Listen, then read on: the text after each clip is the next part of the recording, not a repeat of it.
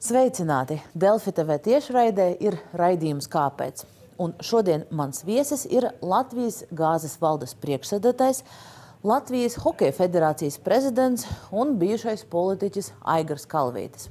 Ar viņu runāsim par to, vai gāzes šai ziemai pietiks, cik tā maksās, un galvenais, kāpēc Latvija tik ilgi ir sēdējusi uz Krievijas gāzes adatas.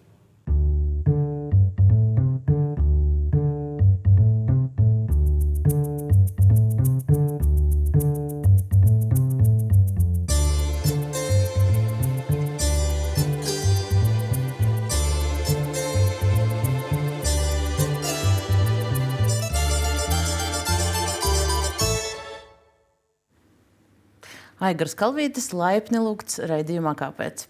Labdien!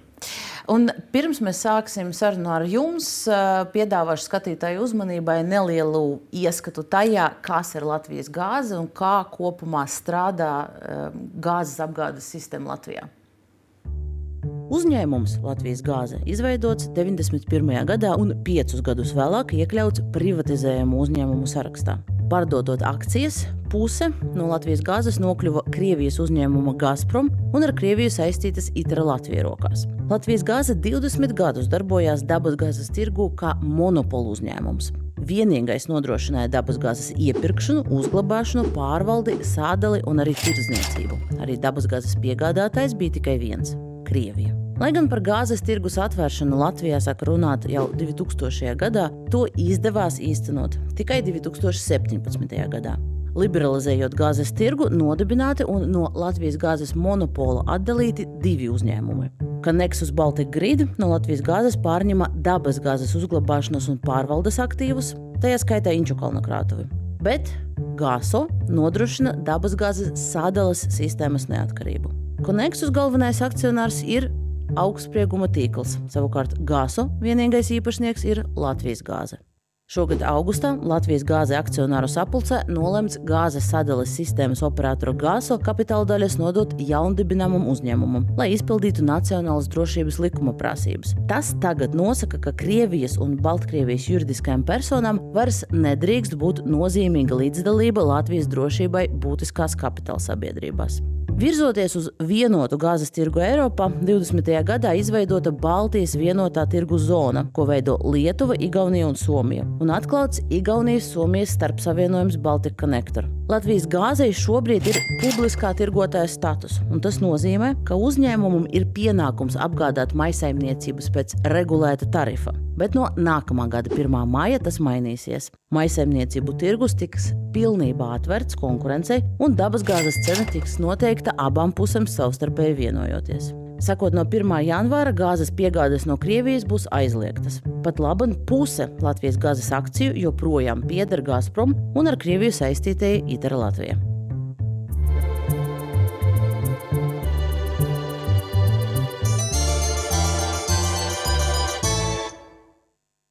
Tātad kopš kara sākuma un regulāri izskan dažādi signāli sabiedrība no dažādiem runātājiem, gan no jums, gan no valdības. Pietiks gāzes šai apkuras sezonai vai nē? Arī jūs septembra sākumā teicat, ka krājumi nav pietiekami un izpildīt šo pienākumu apgādāt maisiņniecības ar gāzi Latvijas gāzē nesanāks. Šonadēļ ir jau cits vēstījums, ka viss ir kārtībā, gāzi ieplūst. Tad varat izskaidrot, kas pa šo mēnesi ir mainījies un tad, nu, kā tad būs šo ziemu? Jā, nu, droši vien jāsadala šis jautājums. Vienā jautājumā ļoti daudz atbildes ir. Bet varbūt ķersimies pie maisiņniecībām. Jā, mēs jā, sāksim, sāksim, ar tieši ar maisiņniecībām. Pirmkārt, Latvijas gāze nekad nav teikusi, ka ir nespējas apgādāt maisiņniecības. Tas, ko mēs esam biržā teikuši, 14. jūlijā saimnieks pieņēma likumu, ar kuru uzdeva Latvijas gāzei veidot konkrētas gāzes krājumus maisiņniecību apgādē. Un tas, ko mēs esam teikuši, ka tik īsā laikā, kā no 14. jūlija līdz 9. septembrim, 9. augustam, mēs nevaram izveidot šādus krājumus, jo gāzēs tirgu ir milzīgs gāzes deficīts. Tas bija tas, ko mēs teicām. Mēs nevienu brīdi neesam atteikušies no funkcijas apgādāt maisaimniecības, un mēs viņus arī apgādājam, neskatoties uz to, ka mēs jau ciešam jau gadiem zaudējumus no šī procesa. Runājot par to, vai pietiks dabas gāzes Latvijā, nu, tas, protams, ir tāds uh, filozofisks jautājums. Bet, ja mēs runājam par to, varbūt par to filozofiju, varbūt drusku vēlāk, mm. bet ja mēs runājam tieši par Latvijas gāzi un tieši par maisaimniecībām, jo, nu, atkal atgriežoties pie tā septembra vēstījuma, mm. varbūt iespējams plašāk sabiedrība to pārprata, bet nu, jūs biržai skaidri ziņojāt. Latvijas gāze norāda, ka tai nepietiek dabas gāzes maisaimniecību nodrošināšanai. Tagad, mm, šonadēļ kolēģiem jūs teicāt, ka gāze ieplūst. Tad, tad Kas mainījās šajā mēnesī? Vēlreiz atkārtoju, nekad likumu netika regulēts eh, publiskā tirgotāja pienākums uzglabāt krātuvē gāzi priekš maisaimniecībām. Tas bija pilnīgi jauns lēmums, ko pieņēma 14. jūlijā, kas tika stājās spēkā 14. jūlijā. Ja. Eh, maisaimniecības vēsturiski apgādāts eh, lielākoties gada pa cauruļvadiem. Un uh, ziemas sezonā lielu daudzumu šī apjoma tika piegādāts no krātuves. Tas, ko mēs teicām augustā, mēs redzējām, kādu lēmumu saimē nobalsojusi, ka vēsturiskais apjoms, kas ir nepieciešams glabāt krātumē, ir 1,2 teravati. Un mēs brīdinājām valdību par to, ka mēs šo apjomu līdz uh, konkrētam 31. augusta pēdējai stundai nesasniegsim, jo to fiziski mēs nevaram izdarīt. Tas bija viss mūsu vēstījums. Mēs nevienā brīdī neesam runājuši par to, ka mēs varētu nepildīt savas funkcijas. Bet, uh... Jo mēs varam apgādāt maisiņcības no cauruļvadiem, ko mēs arī tieši šobrīd darām. Mēs neapgādājam Latvijas maisiņcības no krātuves, jo krātuvē vienkārši Latvijas gāzē nav pietiekoši apjoma.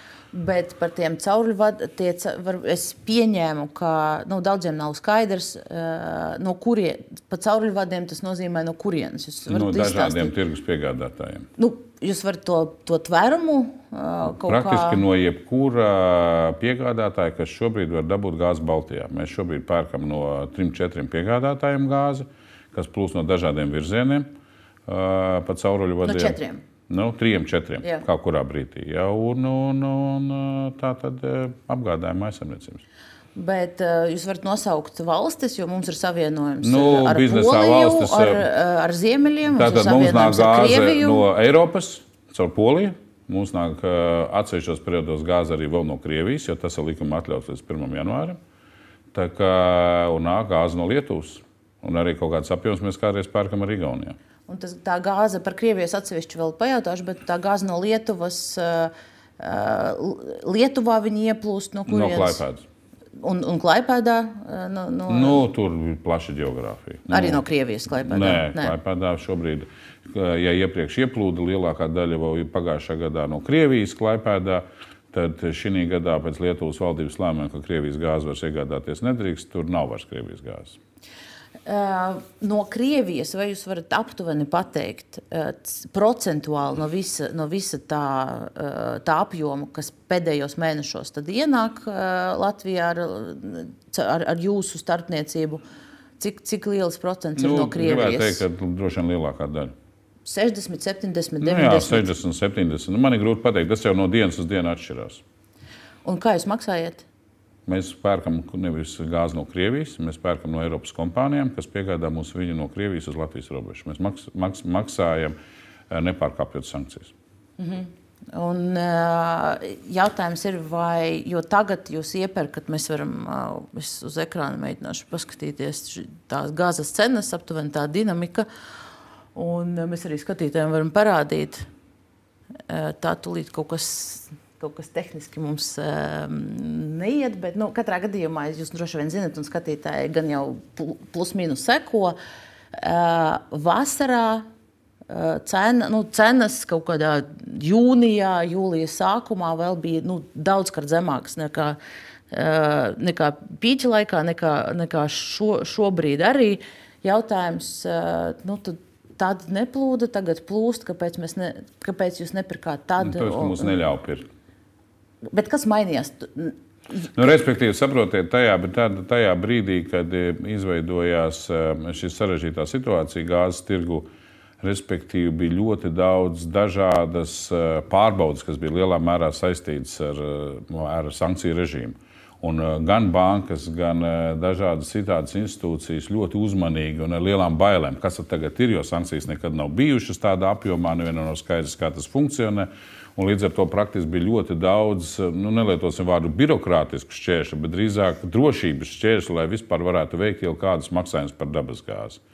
Un uh, atšķirībā varbūt no citām Eiropas Savienības valstīm, kur piemēram teiksim, lielās valsts, gan, gan Itālija, gan Vācija, gan Austrija, gan Francija iegādājās dabasgāzi no Krievijas, maksājot ar to, to norēķinu kārtību, kādu Gazproms izvirzīja. Un iegādājās gāzi, tad Latvijā šāda kārtība netika atļauta. Ja? Līdz ar to viss mūsu reģions nevarēja norēķināties par dabasgāzes piegādēm. Bet nu, tas nemainīs. Jūs joprojām nevarat norēķināties ar Jā, ar bet rubļiem. izveidojusies situācija, kad ir iespējams iegādāties gāzi no citiem piegādātājiem. Tad vasaras sākumā tie starpnieki vēl nebija, ar kuriem jūs tagad strādājat. Nu, pareizi pa sapratu? lielo viņi tikai veidojās. Tad tie ir kaut kādi ļoti izveicīgi uzņēmēji, kas, kas ātri saprot kuriem ir situāciju. saprotiet, gāzes tirgu notiek dažādas fobu darījumi, tiek mainīta gāze starp reģioniem. Viņiem ir piegādes citos reģionos, un viņi var viņus atkal pārcelt uz citiem reģioniem. Tā kā tas nav nekādā veidā, tas ir normāli biznesa parādība. Kuģus arī jūrā maina, teiksim, kuģus. Uh, vienam kuģis iet uz Ķīnu, bet to gāzi vajag Eiropā, un kādam kuģis nāk uz Eiropu, viņš šos kuģus samaina. Tāpat ir arī ar, ar gāzes piegādēm. Ir kompānijas, kuriem dažādi piegādes ceļi, ir, un vienkārši notiek dažādi apmaiņas darījumi starp piegādātājiem. Bet tam arī visam, lai tirgus pielāgotos, ir nepieciešams laiks. Un pats galvenais, lai varētu veikt norēķinus par dabas gāzi, nu, arī finanses institūcijai, ņemot vērā visus šos jaunos eh, apstākļus, vajadzēja ļoti lielu adaptācijas laiku, lai viņi vispār saprastu, kā viņi var norēķināties, kā var maksāt, kas atļauts, kas nav atļauts. Tā kā tādi pirmie testa darījumi Latvijas gāzē jau bija jūnijā. Ja? Bet, bet viņi bija par ļoti nelieliem apjomiem. Bet, bet jūs pieminējat, ka jums neļāva, proti, eh, nu, viens ir tas, jūs teicāt, ka nebija vēl šie starpnieki saorganizējušies. Bet, Nu, nelietosim vārdu starpnieku, piegādātājs. Piegādātāji. Starpnie- Jā, tie ir piegādātāji. tas jo- jau nav slikts vārds. Nē, es nedomāju, ka tas ir slikts vārds. Un starpnieks eh, savā ziņā ir tas, kas saņem komisiju par pakalpojumu. Šeit nav runa par komisiju par pakalpojumu, šeit ir runa par reālu gāzes piegādi. Viņi nesaņem komisiju no Latvijas gāzes par to, ka viņi mums eh, piegādā gāzi. Nu, kā viņi pārdod gāzi mums. Saprotat, tā ir milzīga atšķirība. Tā kā te varbūt nevajadzētu jaukt šos terminus. Ja? Bet vienlaikus jūs sakat, ka jums uh, laikā, kad gāze vēl bija lētāka, vasarā neļāva. Tad, tad, un, un, un skaidrojot to ar tiem finanšu instrumentu, nu, tiem Jā. blokiem. Un, Jā. kā tas dzīvē izskatījās? Atnā, banka vienkārši Nu, nostāvēja respektīvi, darījumi, jā, vienkārši, lai pārskaitītu naudu, tas aizņēma pirmsākumos vasaras sākumā divas nedēļas. Divas nedēļas, lai vispār nauda nonāktu pie adresāta. Bet, saprotiet, biznesa darījumos tam visam normāli būtu jānotiek vienas dienas laikā vai divu dienu laikā. Ja, ja tu slēdz strauju darījumu un tev vajag nodrošināt piegādes, tā gāze ir pieejama kaut kādos konkrētos datumos. Un mēs šovasar vairāk kārt saskārāmies ar situāciju, ka tajā brīdī, kad bija gāzes pieejamība un mēs viņu varējām nopirkt, nebija iespējams norēķināties par viņu. Un tad jūs pazaudējāt. Vienkārši mēs pazaudējām to apjomu. Bet, uh, bet, bet uh, tās divas nedēļas bija kaut kādu banku pārbaudu dēļ, vai, Jā, vai jā. Dažādu drošības pārbaužu rezultātā. Bet tieši banka, komercbanku vai, vai valsts iestāžu? Komercbanka. Mhm. Nu, valsts iestādes jau tikai iejaucās kaut kādās strīdus situācijās. Viņas jau neiejaucās normālā biznesa procesā, bet katrai bankai ir sava iekšējā drošības kārtība. Un ā, dabīgi, kad viņiem viss šīs pārbaudas jāiziet, un tev jau viņas nav tikai teiksim, mūsu Latvijas bankās, tad ir korespondējošo kontu bankās. Tās arī bankas skatās, vai šādi darījumi ir atļauti vai nav atļauti. Tad gala saņēmēji bankā. Tā, tā ir ļoti gara ķēde. Mēs, lai varētu tam visiem iziet cauri, kamēr sāka pārskaitījumi normāli virzīties, nu, teiksim, 3-4 dienu laikā, ja, nu, mums pagāja pusotras, divi mēneši, kamēr mēs vispār līdz tam nonācām. Nu jā, bet, bet, ja mēs runājam par to, ka šīs ir bankas, kuras tomēr nu, bremzē tos maksājumus, nu, negluži ir pamatot jūsu retorika, kur jūs bieži sakat, ka lūk, valdība mums neļāva. Nu, bankas neļāva. Nē, nu, mēs nevaram teikt, ko ļāva, ko neļāva. Mūsu retorika ir tāda, ka Eiropas Savienības valsts gāzi pirka, Latvija nepirka. Tas ir viss. Nu, bet, Un pirka tajā brīdī, kamēr cena bija zema. Mēs nepirkām. Nu, bet tas pie bankām ir jau Nē, nav, nav tas pie bankām. Vienkārši bija, manuprāt, eh, rūpīgs un gādīgs saimnieks eh, rūpējās par to, lai, lai dro, nu, nodrošinātu valsts enerģētisko drošību. Un tas, ko mēs kā enerģētikas kompānija redzējām, ka vienkārši par to neviens pavasarī nedomāja. Un no vasarā. Neviens par to nedomāja. Bija vairāk svarīgāka bija citas prioritātes, nevis šī rūpīga attieksme pret valsti.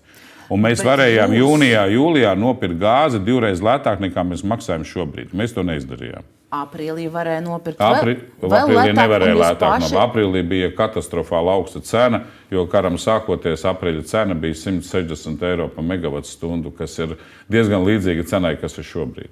Nu, jebkurā gadījumā tā cena ir, ir, ir bijusi zemāka nekā, nekā jau tad, kad jūs septembrī sākāt Jā, pirkt. septembrī bija 235. Jā. Un jūs aprīlī paši izlēmāt nepirkt un gaidīt. Tāpēc kā aprīlī nevarēja vairs norēķināties. 1. aprīlī iznāca Krievijas prezidenta dekrets, kas lika maksāt par gāzi rubļos. Un Jūs, jūs atteicāties, uh, no, uh, jūs, jūs uh, pārtraucāt iepirkumus Tāpēc, vēl mēs pirms nevarējām, prezidenta ne, dekreta. mēs piegādājāmies gāzi līdz Krievijas. 31. martam, maksimāli lielā apjomā, maksimāli liela iesūknēšana. Nekad martā Latvijā netika veikta tik plaša mēroga gāzes iesūknēšana kā marta mēnesī. Mēs nebijām vienīgie komersanti, kas to darīja. Es vēlreiz varu atkārtot, mums bija iegādāta gāze daudz lielākā apjomā, bet mums, ņemot vērā agrīnā brīdinājuma situāciju, kas tika izsludināta 9. martā, neļāva iesūknēt gāzi tajā apjomā, ko mēs bijām nopirkuši. Bet sākot ar 1. aprīli visa Eiropas gāzapgāde bija paralizēta, jo iznāca Krievijas prezidenta dekrets. Un atbildi par to, vai varēs norēķināties vai nevarēs norēķināties, mēs saņēmām apmēram 25. maijā. Labi, mēs, mēs te ejam tādās detaļās, bet man Jā, nu es vienkārši lai jūs jācitē- saprastu, jā. nebija iespējams gāzi posmā no 1. aprīļa līdz 25. maijam. Nebija vispār skaidrs, kā gāzi iegādāties. Nu, es, man gan jācitē kolēģi no Latvijas televīzijas, un, uh, un, un, un viņu atreferējums no intervijas ar jums ir, ka aprīļa sākumā Latvijas gāze pārtrauca pirkt Krievijas gāzi ne tāpēc, ka Krievija prasīja maksāt rubļos, bet augstas cenas Arī dēļ. otrs iemesls, protams. Uh, Okay, bet, ja mēs noliekam Krievijas gāzi malā, jo konceptuāli mēs kā sabiedrība vienojamies, ka mēs tomēr mm. negribam uh, finansēt Krievijas karu vai uh, Krievijas karu Ukrajinā, vai uh, jūs ieraugot, ka ir sācies karš, divas nedēļas pēc kara Eiropas komisija jau paziņoja par to, ka konceptuāli pa divām trešdaļām ir jāsamazina piegādes no Krievijas uh, gāzes, vai uh, tad jūs varējāt un nesākāt jau kaut kādu alternatīvu piegādātāju meklējumus? Mēs sākām no pirmās dienas alternatīvu meklējumus, bet viņi nebija iespējami. Jo, kā jūs zināt, dabas gāze uz Latviju neplūda pirmajos, pirmajās nedēļās, karam sākoties. Jautājums, vai tie nebija iespējami, tāpēc, ka vienkārši nu, Nebija nebija? piegādātāji. Nebija piegādātāji. Atcerēsimies eh, vēl vienu lietu, kad, kad valdība uzdeva Latvijas energo veidot valdības rezerves. Latvijas energo arī gāzi nopirkt no starpniekiem. Viņi Nu, jūs nenopirka. arī varējāt no, sta- no starpniekiem. Mēs nevarējām. Kāpēc? Mēs nevarējām. Augstās jūs cenas ne- dēļ. Tajā brīdī cenas līmenis bija tik augsts, ka mēs neredzējām iespēju, ka tādu gāzi vispār varēs pārdot. Un Vai- mēs neesam, mums nav aiz muguras valdība, mums ir privātie naudas līdzekļi, kuri mums ir eh, saimnieciski jārīkojas. Protams, ja valsts ir gatava atmaksāt jebkuru rēķinu, tad Latvijas energo to varēja izdarīt. Bet Latvijas gāzi to nevar izdarīt. Mēs vienkārši nevaram par tādu cenu gāzi nopirkt. Par kādu nopirkt Latvijas energo? Nu, jautājums, te ir vairāk, vairāk jautājumu. Es sākšu ar vienu, vai, vai jūs nevarējāt to izdarīt, vai arī uh, Latvijas gāzes akcionāru struktūras Akcionāri- dēļ jūs kļuvāt par, Nē, par tādu toksisku kompāniju, nekad- ar kuru vienkārši negribēja sadarboties. Jo bija Akci- bail sadarboties jā, ar Krieviju. Akcionāri nekad nav jaukušies operatīvā darbībā. Valde ir brīva rīkoties savā, nu, teiksim, runājot par biznesa, biznesa veidošanu. Tā kā mums nav nekāda rīkojuma nekad no akcionāriem ir nākuši. Viņi veic savu uzraudzības un kontrolas funkciju par rezultātiem. Viņi neveic eh, kontroli par operatīvām darbībām. Jaut, jautājums nav par, par to, vai jaucas akcionāri, bet par uztveri, ka pasaulē paskatās uz Latvijas gāzi un ieskatās Protams, akcionārus. Paskat... Nē, prot- tagad esošajā Jā. situācijā mēs ar viņiem negribam, jo nu, nezinām, Jā, kas tālāk skaidrs, notiks. tas ir arī viens no jautājumiem, kas vienmēr ir, eh, vienmēr ir dienas kārtībā. Jo, protams, kad eh, tik sarežģīta akcionāra struktūrā un šādā sarežģītā politiskā situācijā ir ļoti daudz jautājumu. Nu, tur tas nav puse Krievijai. Jā, jā, jā. Nu, bet viņi ir sarežģīti. Ja būtu, viņa, ja būtu mazākums, tad būtu nedaudz savādāka situācija. Bet puse uz pusi tas reāli ir sarežģīta situācija. Bet jāsaka, tajā pašā laikā mēs esam noslēguši ar ļoti lielām eh, LNG, pat ASV piedarošām kompānijām līgumus un saņemam gāzi no viņiem. Tā kā šis nebūtu arguments, eh, kas varētu, tas prasīja laiku, lai līdz tam nonāktu. Bet šobrīd mēs pērkam uh, gāzi no lieliem pasaules tirgotājiem un esam noslēguši līgumus, sadarbības. Šobrīd eh, nu, šis nebūtu arguments, lai teiktu, ka mēs nevaram. Bet sākumā, protams, tas bija visas, visi gāja compliance cauri, visi pārliecinājās, kā tas var ietekmēt, ir izšķirošā ietekme, nav izšķirošā ietekme. Protams, tas sarežģīs. Nu, tas, tas jums traucē. Tad, protams, tad, tas netraucē, bet tā, nu, savā ziņā neļāva operatīvi rīkoties. Bet vai jūs sākāt, ok, mēs runājam par, par pirmo dienu pēc kara, bet nu, tā situācija un saspīlējumi sāka veidoties jau pirms gada. Vai jūs jau tad varējāt sākt pārunas ar visiem tiem alternatīviem piegādātājiem, lai viņi nu, visu to pārbaudi, veids Redziet, laikus? Mēs neesam politiska organizācija. Un uh, biznesā ir arī līguma saistība pienākumi. Un Latvijas gāze ir ilgtermiņa līgums par gāzes piegādi. Un šis ilgtermiņa līgums ir ļoti milzīgu apjomu, ar ļoti milzīgām finansiālām jā, saistībām. Šis līgums ir noslēgts, ja nemaldos, uh, 2001. vai 2002. gadā. Un līdz kuram gadam? Līdz uh, 30. Ja, tātad saprotiet, un tie ir simti miljonu soda sankcijas, ja šis līgums netiek pildīts. Tātad kompānija jau savā ziņā ir ielokota kaut kādos darījumos. Un jebkurš apjoms, ko mēs uh, tirgus situācijā kaut kur iegādātos no malas, radītu mums dažādu soda sankciju risku. Ne jau tāpēc, ka mūs par to sodītu, bet tāpēc, ka mēs nevarētu izpildīt apjomu saistības. Tā kā biznes, biznesā tā dzīve ir nedaudz savādāka nekā vēlme vai politika vai kā savādāk. Tā kā es gribētu teikt, ka Latvijas gāzes ilgtermiņa līgums eh, lielā mērā ar tiem apjomiem, kas tika noslēgti 25 gadus atpakaļ, uzlika mūs ļoti cietos rāmjos. Un mēs šo gāzi iegādājāmies visus šos gadus par ļoti labu cenu, uz ļoti labiem noteikumiem. Protams, situācijā, kad, kad iespējams par gāzi vairs nebija norēķināties, nu šis līgums šobrīd nedarbojas. Viņš vienkārši nedarbojās, tāpēc ka nav viena puse nepiegādā, tāpēc ka otra puse nemaksā. Okay, tad tad so, šobrīd nav runa par, tiem, par to jā, kaut kādu sodīšanu. Jā, tāpēc ka līgums vienkārši apstājies. Nu, jā, bet, bet tajā brīdī, kad tev tad, ir iz, izvēle arī... pirkt, tad tev ir vienkārši jāpēr, tur, kāds ir tev līgums. Ja tas noslēdz piegādes līgumu, viņš tev jāpilda. Nu, jautājums, kas uh, uz, uz, uz tiem svaru kausiem no vienas puses jums ir tas līgums ar nu, pusi ar, ar, ar to eh, daļējo īpašnieku. Tur īsti nav tā, ka tas ir Nē, nu, saistīts pret kādu vēl citu. Jā, redziet, un otrs, ne, es, es, es gribētu pabeigt to domu, jo uz otras, eh, uz, otras, eh, uz, uz, uz, uz, uz, tie, uz, uz tiem svariem otrā pusē ir uh, pienākums pret, uh, pret, pret maisaimniecībām. Latvija apgādāt uh, ar, ar gāzi, virtuvēm, apkurei. Es īsti nesaprotu, lai nu kas nebūtu. Jautājumu, ja? Es to jautājumu loģiku nesaprotu. Nē, jautājumu loģika. Pajautāt? Pirkt no Krievijas ir riskanti. Nemēģināt, jūs, jūs atbildējāt, ka nu, jūs nemeklējāt laikus, kad sākās saspīlējums kaut kāds alternatīvs piegādātājs, jo, mums, jo jums ir līgums ar Krieviju, jā. ar, ar, ar Gazpromu. Nevis ar Krieviju, bet ar, ar, Gazpromu, nu, tur šobrīd jau jā. Tā, jā. tas nodalījums ir tāds nosacīts. Uh, nu tad, tad, tad vai jums nevajadzēja meklēt tos alternatīvos piegādātājus? Uh, pieņēmot, ka. Nu, Bet kāpēc jūs domājat, ka mēs pirkām tikai no Gazprom gāzi? Mēs visus šos gadus esam arī pirkuši no citām kompānijām ļoti, gāzi un pārdevuši nu, citām kompānijām. Protams, un tādā apjomā, kā tas bija finansiāli izdevīgi. Jo vienmēr, jau, ja mēs paskatāmies uz uzņēmumu būtību, mums jābūt jāpieņem finansiāli izdevīgi lēmumi priekš kompānijas. Ja mums bija iespēja gāzi nopirkt citur lētāk, mēs vienmēr to esam darījuši. Tā kā teikt, tā, ka mēs esam pilnīgi teiksim, atkarīgi tikai no ilgtermiņa līguma. Tā mēs nevaram. Pēc tirgus liberalizācijas situācijas, kad mēs nonācām brīvā tirgu, mums bija jākonkurē ar veselu rindu reģionu lielajām kompānijām. Un dabīgi, ka mums bija jāpieņem saimnieciski izsvērti lēmumi. Bet tajā pašā laikā zinot to, ka mums ir arī ilgtermiņa saistības, kuras mums jāpilda. Ar to līgumu pārskatīt kaut kādā brīdī nevarēja? Jūs mēģinājāt?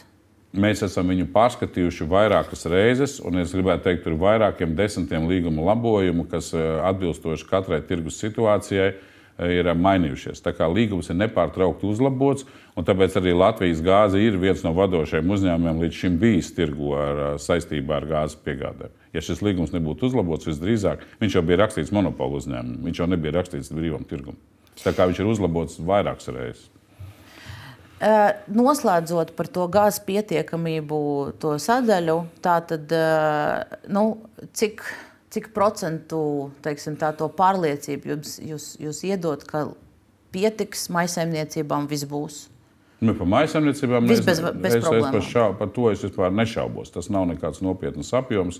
Un, un eh, vienkārši, lai jūs saprastu lietas būtību, kāpēc vispār tas strīds izveidojās, pat ne strīds, bet nesaskaņas ar valdību, Valdība darīja visu, lai atņemtu Latvijas gāzē maisiņas portfeli. Tas ir mūsu viedoklis, un es no viņa arī neatkāpjos. Un tajā brīdī, nu, jūs jau, vi... jūs jā, jau īpaši jā, to portfeli jā, negribat, varat jā. arī atdot. Un, un tajā brīdī, kad valdība saprata, ka viņiem pašiem nav gāzes, Tajā brīdī viņi pārdomāja. Ja? Okay, un, nu pieņem, pieņemot dažādus nesaprotamus likumus, nesaprotot to, ka Latvijas gāze brīdināja, nedariet lūdzu to, tas radīs juridiskas konsekvences. Viņi tāpat to izdarīja. Un tad pēkšņi atjēdzās pēc pāris nedēļām, ka tā ir rupja kļūda. Atstājām labāk Latvijas gāzei to portfeli, ko mēs gribējām atņemt. Tajā pašā laikā jūs ļoti labi redzējāt arī pēc Dombora raidījumā, kad Dombors jautāja ministram, ko tad tagad Latvijas gāze maisiņcības apgādās ar Krievijas gāzi, kas tā viņš kalnā. Tajā brīdī Krievijas gāze izrādījās laba. Jā, tā kā te ir nu, tā, tā bija tāda priekšvēlēšana politiska spēle. Jā. Labi, nu vēlēšanas jā. ir beigušās, bet. Jā. bet, bet uh... saimnieciski domājot, protams, ka Latvijas gāze apgādā maisaimniecības. Mēs šobrīd ciešam no tā liels zaudējums, tāpēc, ka mūsu regulētais tarifs ir veidots uz 10. jūnija tirgus cenu, kas bija 94 eiro.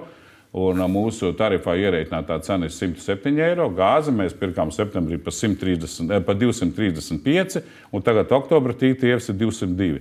Tā kā mēs esam šobrīd sarežģītā situācijā, tāpēc arī tā debata par tarifu pārskatīšanu, jo Latvijas gāzei nav daudzi desmiti miljoni rezervē, lai pusgada garumā finansētu vai subsidētu maisaimniecības. Un šī problēma šā vai tā būs valdībai jārisina agri vai vēlu. Bet nu, maisaimniecības ir, ja nemaldos, kādi 15% no, no, tie, no jūsu apjomiem. Jā, bet nauda ir pie šīm cenām ir tik, cik viņa ir. Jā, saprotiet.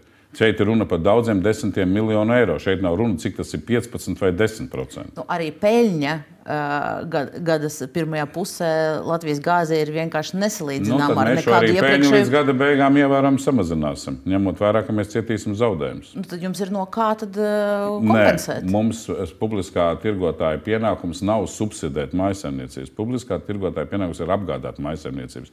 Un tāpēc ir tarifikācijas sistēma izveidota. Un tarifs paredz šo zaudējumus kompensēt. Mēs ne, nevaram subsidēt maisaimniecības no vairumtirdzniecības darījumiem. Tāda nav biznesa būtība. Okay, mēs, mēs tad uh, plūstoši pārējām pie nākamās man ieplānot, nākamā man ieplānota temata tieši par tarifiem, cenām. Tūlīt arī runāsim.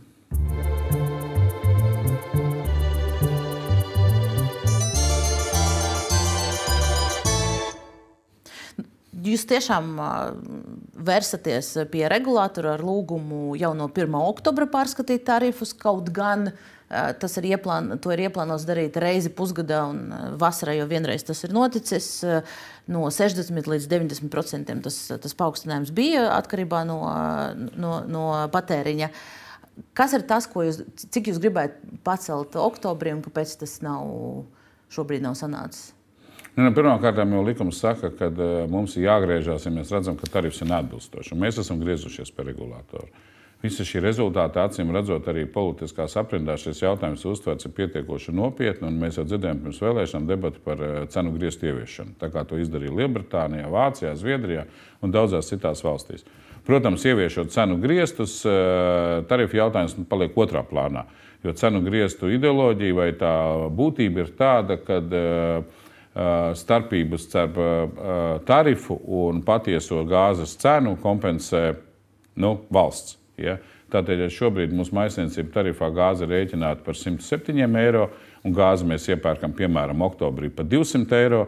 Tad šo starpību cenu griezt ietvaros būtu jākompensē. Tā kā ja valdība politiski pieņem lēmumu, ka viņi nevēlas palielināt maisaimniecībām tarifu, kā viņi acīm redzot to vēlās, jo to mēs dzirdējām pirms vēlēšanām, tad nu, tā cenu grieztu sistēma tiks ieviesta. Un no 1. decembra, tad, eh, jo, jo 1. decembrī ir tas termiņš, kad nu, tomēr tie tarifi ir jāpārskata. Tad nu, mēs varam tad, sagaidīt, jūsu versija ir, kā tas viss nu, tad, ja, tiks, ja no 1. janvāra šie cenu griezti darbosies, tad, un ja valdība nevēlēsies palielināt tarifu, jo viņš visdrīzāk būs jāpalielina, tad arī paliks esošais tarifs, bet pārējo kompensēs caur cenu grieztu mehānismu. Uh, viena lieta, kas varbūt šķiet neloģiska, uh, mēs tagad tehniski jau varam rādīt, uh, radīt uz ekrāna esošo no man datora. Nu, šī ir gazas cena. Pīķis bija, kā mēs redzam, augusta beigās. Tagad jau divus mēnešus cena krīt. nu, tad varbūt arī nebūs pamatojuma nekādai tarifu Nu, nu, celšanai. bet būs uzkrātie zaudējumi, būs uzkrātie zaudējumi gan pirmajā pusgadā, gan otrajā.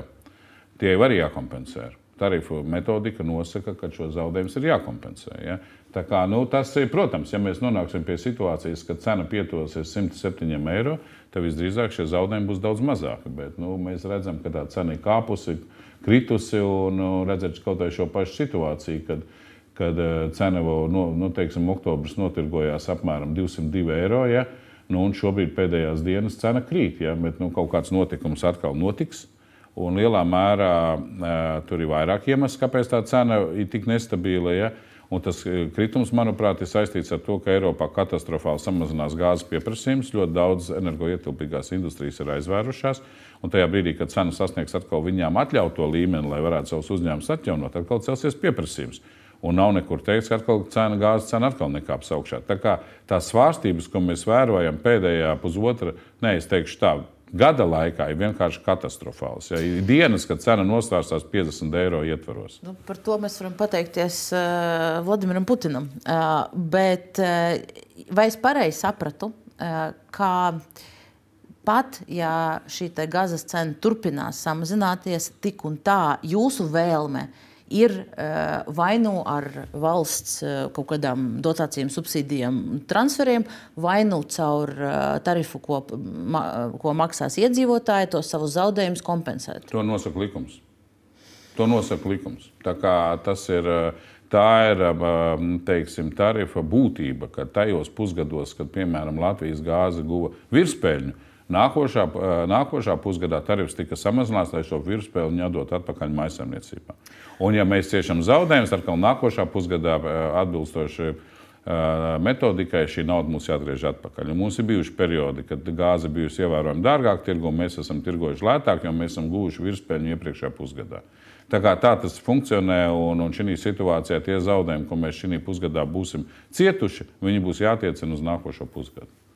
Un eh, cik tie zaudējumi lieli būs?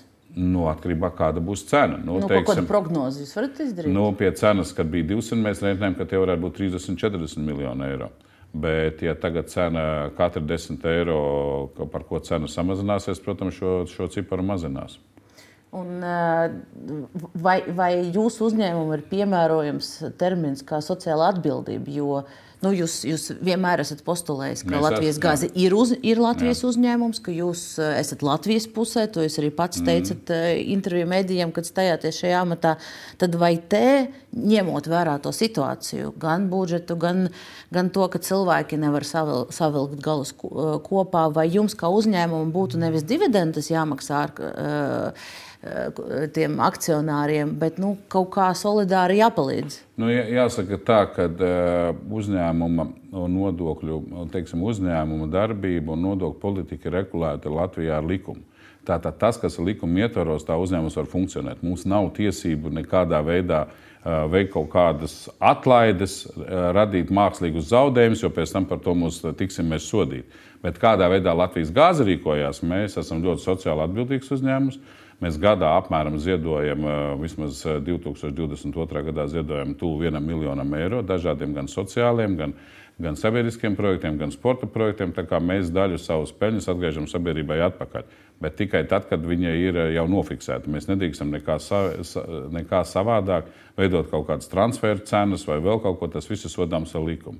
Uzņēmējdarbība tiek regulēta ļoti precīzi un Latvijas gāze darbojās tajā likumu ietvarā, kāds ir pieņemts gan Latvijā, gan Eiropā. Nu, te gan eh, man šķiet, mūsu, mūsu sarunā ir, ir, eh, ir, ir tāda neliela problēma, ka mēs Eh, nu, mazliet ignorējam to ziloni istabā. Mēs runājām, ka nu, tie akcionāri būtu neitrāli akcionāri, kuri, kuriem nav nekāda sakara ar esošo situāciju, kuri vienkārši ir uzņēmēji, kas grib uh, peļņu gūt. Bet reāli, nu, kā tas izskatās, jo tā peļņa gan tās dividendes, ko jūs 15 miljonus šogad esat izmaksājuši, tie jau neaiziet kaut kādam uzņēmējam. Tie aiziet nu, mm, Putinam. Protams, nu, kāpēc Putinam ir? Mums ir, ja jūs panalizētu Latvijas gāzes akcionārs, tad kopš nedēļas Latvijas gāzes akcionārs ir Latvijas, Vācijas valdība. Jo Vācijas valdība pārņēma mūsu akcionāru Unipēru viņu finansu grūtību dēļ. Tā Latvijas gāzes akcionārs ir Latvijas un Itra Latvija nekur nepazuda. Jā, tie nepazuda. Bet mums ir Vācijas valdība, mums ir Eiropas komisija un mums ir seši lielas Eiropas investīcija bankas. Un arī viņi saņem dividendus, jo visi akcionāri saņem vienādi. Un tur nu nekādā veidā man kā uzņēmuma vadītājiem pret visiem akcionāriem jā, jā, jāizturās pilnīgi vienādi. Man nav iespējas šeit manevram. Un akcionāri jau pieņem lēmumus par dividendžu izmaksu. Tā kā šī gadījumā. Un akcionāri ir, eh, nu, ir, ir tas Gazproms, un atcerēsimies, jā, ka nu, tāda kā, vēsturiski ir izveidojusies Latvijas, situācija. Latvijas gāzes padomē pārsvars ir tieši ar Krieviju saistītiem akcionāriem. Tu 6 no 11 ir Gazprom, Itera un Rosnefts pārstāvji. Jā, bet tāda ir vēsturiskais mantojums. Tas ir vēsturiskais mantojums, un savā laikā, kad privatizēja Latvijas gāzi, uh, Mērķis bija viņu tieši tā arī finan, privatizēt, ka ir lielais gāzes piegādātājs, lielākais, nu, viens no lielākajiem akcionāriem un industriālais investors un, kā saka, tehnoloģija attīstītājs ir Vācijas rūrgās. Tā kā tā tika noprivatizēta Latvijas gāze, un tāda viņa vēsturiski funkcionējusi un funkcionējusi ļoti labi. Jo mums ir viena no labākajām tehnoloģiski gāzes apgādes sistēmām vispār visā Eiropā. Un arī finansiāli Latvijas gāze ir ļoti labs uzņēmums. Tajā pašā laikā nereizi nav šo gadu laikā bijis kaut kāda gāzes apgādes pārauma, kas nodrošinājusi Latvijas enerģetisko drošību. Tā kā pa lielo tas ir vēsturiskais mantojums, un turpat nav vērts. Mēs šeit varam, mums var tas patikt, nepatikt, bet mēs to ietekmēt nekādīgi nevaram. Nu, tur gan jāsaka, ka esošajā situācijā, kad kaimiņos notiek brutāls un asiņains karš, uh, mēs jau esam ārpus kritērijiem, patīk, nepatīk. Es, nu, jā, es gribēju protams. prasīt, nu, kā, kā jūs nu, teiksim, tā, morāli, etiski, vai jūs jūtaties komfortabli tad, kad jums ir jāpārskaita miljoni Krievijas budžetam, kuri tālāk tiek izmantoti karam? Nu, mums, Jums kā, kā, kā, kā, kā es, kalvietim? Es šī gadījumā vienu, vienu situāciju, kā es kā privātpersona, ko es domāju, un otru situāciju, ko es domāju kā uzņēmuma vadītājs. Man jārīkojas ar atbilstoši pieņemtajiem likumiem, un es arī rīkojos atbilstoši pieņemtajiem likumiem. Pretējā gadījumā es personiski par to būšu atbildīgs, ja es to nepildīšu. Ja? Un vēl, vēl ne, vairāk, jā. Tā bet, kā, bet kā, bet... kā tas jums liek justies, kad jūs parakstat uh, to dividendžu izmaksu Kremlim? Nu, tā ir sarežģīta situācija. Es nevaru par to, es nevēlētos to komentēt. Nu, vai jums nebūtu jākomentē, ņemot vērā Nē, es nevaru visu, to komentēt, redzam, jo ko... šeit nevar sadalīt. Nevar būt vienā, perso vienā personā personiskā attieksme un otrā personā uzņēmuma vadītājs. Mēs maksājam naudu biržai, un birža viņu maksā akcionāriem. Mēs esam publiski kotēts uzņēmums. Tā kā, ja jūs gribat dzirdēt no manas atbildības, vai es esmu parakstījis pārskaitījumu par dividendžu izmaksu akcionāriem, nē, es esmu pārskaitījis parakst, pārskaitījumu uz biržu, lai viņi norēķinātos ar akcionāriem. Nu, tā kā tā, es jums šādu atbildi varētu iedot, kas ir pilnīgi juridiski korekta. Ja? Atgriežoties pie, pie, pie tādām uh, konkrētākām lietām, uh, ir, es gribu parādīt arī varbūt, uz ekrāniem gan skatītājiem, gan jums. Šis gan ir no, tas, tas nav tā, tas, ko es gribēju parādīt no portāla Travel News. Šodien ziņa viena no turisma veltītiem portāliem. Viena no jūrmālas viesnīcām ir saņēmusi vēstuli no Latvijas gāzes ar paziņojumu par līguma pārtraukšanu. Uh, Eh, es citēšu, tur ir rakstīts, ka tajā ziņā dabasgāzes padeve vairs netiks nodrošināta. Latvijas gāze pamato līgumu laušanu ar ierobežotu dabasgāzes pieejamību. Eh, mēs sazinājāmies ar īpašnieci, un viņa paskaidroja, ka šim uzņēmumam bija tātad fiksētais tarifs uz diviem gadiem. Viņi noslēdz līgumu šogad. Uh, un tad viņiem atnāca vēstule, ka lūk, tagad jūs varat slēgt līgumu ar šo uzņēmumu tikai uz vienu mēnesi, no mēneša uz mēnesi. Par biržas cenu, un pie tam nu, atsau, atsauc ir arī uz ierobežotu dabasgāzes apjomu. Vai šādā situācijā tagad būs daudzi mazie uzņēmumi Latvijā, kuriem ir līgumi ar? Nu, mums ir apmēram 3,5 tūkstoši uzņēmumu, kas ir apmēram, nu, ko varētu uzskatīt par nelieliem uzņēmumiem, mūsu klienti. Ja? Uh, Un, manuprāt, mēs esam nosūtījuši šonadēļ vai pagājušajā nedēļā kādus 55 brīdinājumus. Vairāk arī neplānojam. Līdzīgus. Jā, līdzīgus. Kāpēc tikai pie, tieši 55? Kā jūs izvēlaties tos konkrētus komerciālus? Nu, tāpēc, ka ir ļoti dažādi līguma nosacījumi. Un mēs izvēlamies tos. Mēs, pirmkārt, tas ir līguma sastāvdaļa. Mēs šos līgumus varam laust. Tas ir pirmais gadījums, kad Latvijas gāze lauž, lauž kādas līgumus atšķirībā no Latvijas energo, kas pēc elektrības cenu kāpuma ļoti daudziem pārskatīja līgumus. Mēs vienkārši šobrīd nevaram pārdot gāzi par, pieņemsim, par 40 eiro, ja viņi maksā 200 eiro.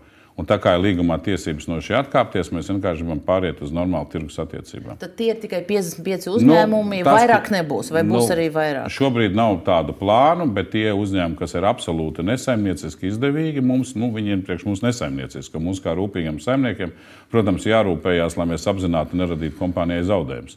Un es gan apšaubu paziņojumu, ka mēs esam kaut kad šogad slēguši līgumu par šādu cenu. Tas vienkārši ir uh, neiespējami, jo šogad jau gads sākās ar 113 eiro. Ja? Okay, nu, bet, jā, kurā gadījumā jā. tur bija ilgtermiņā? Jā, jā.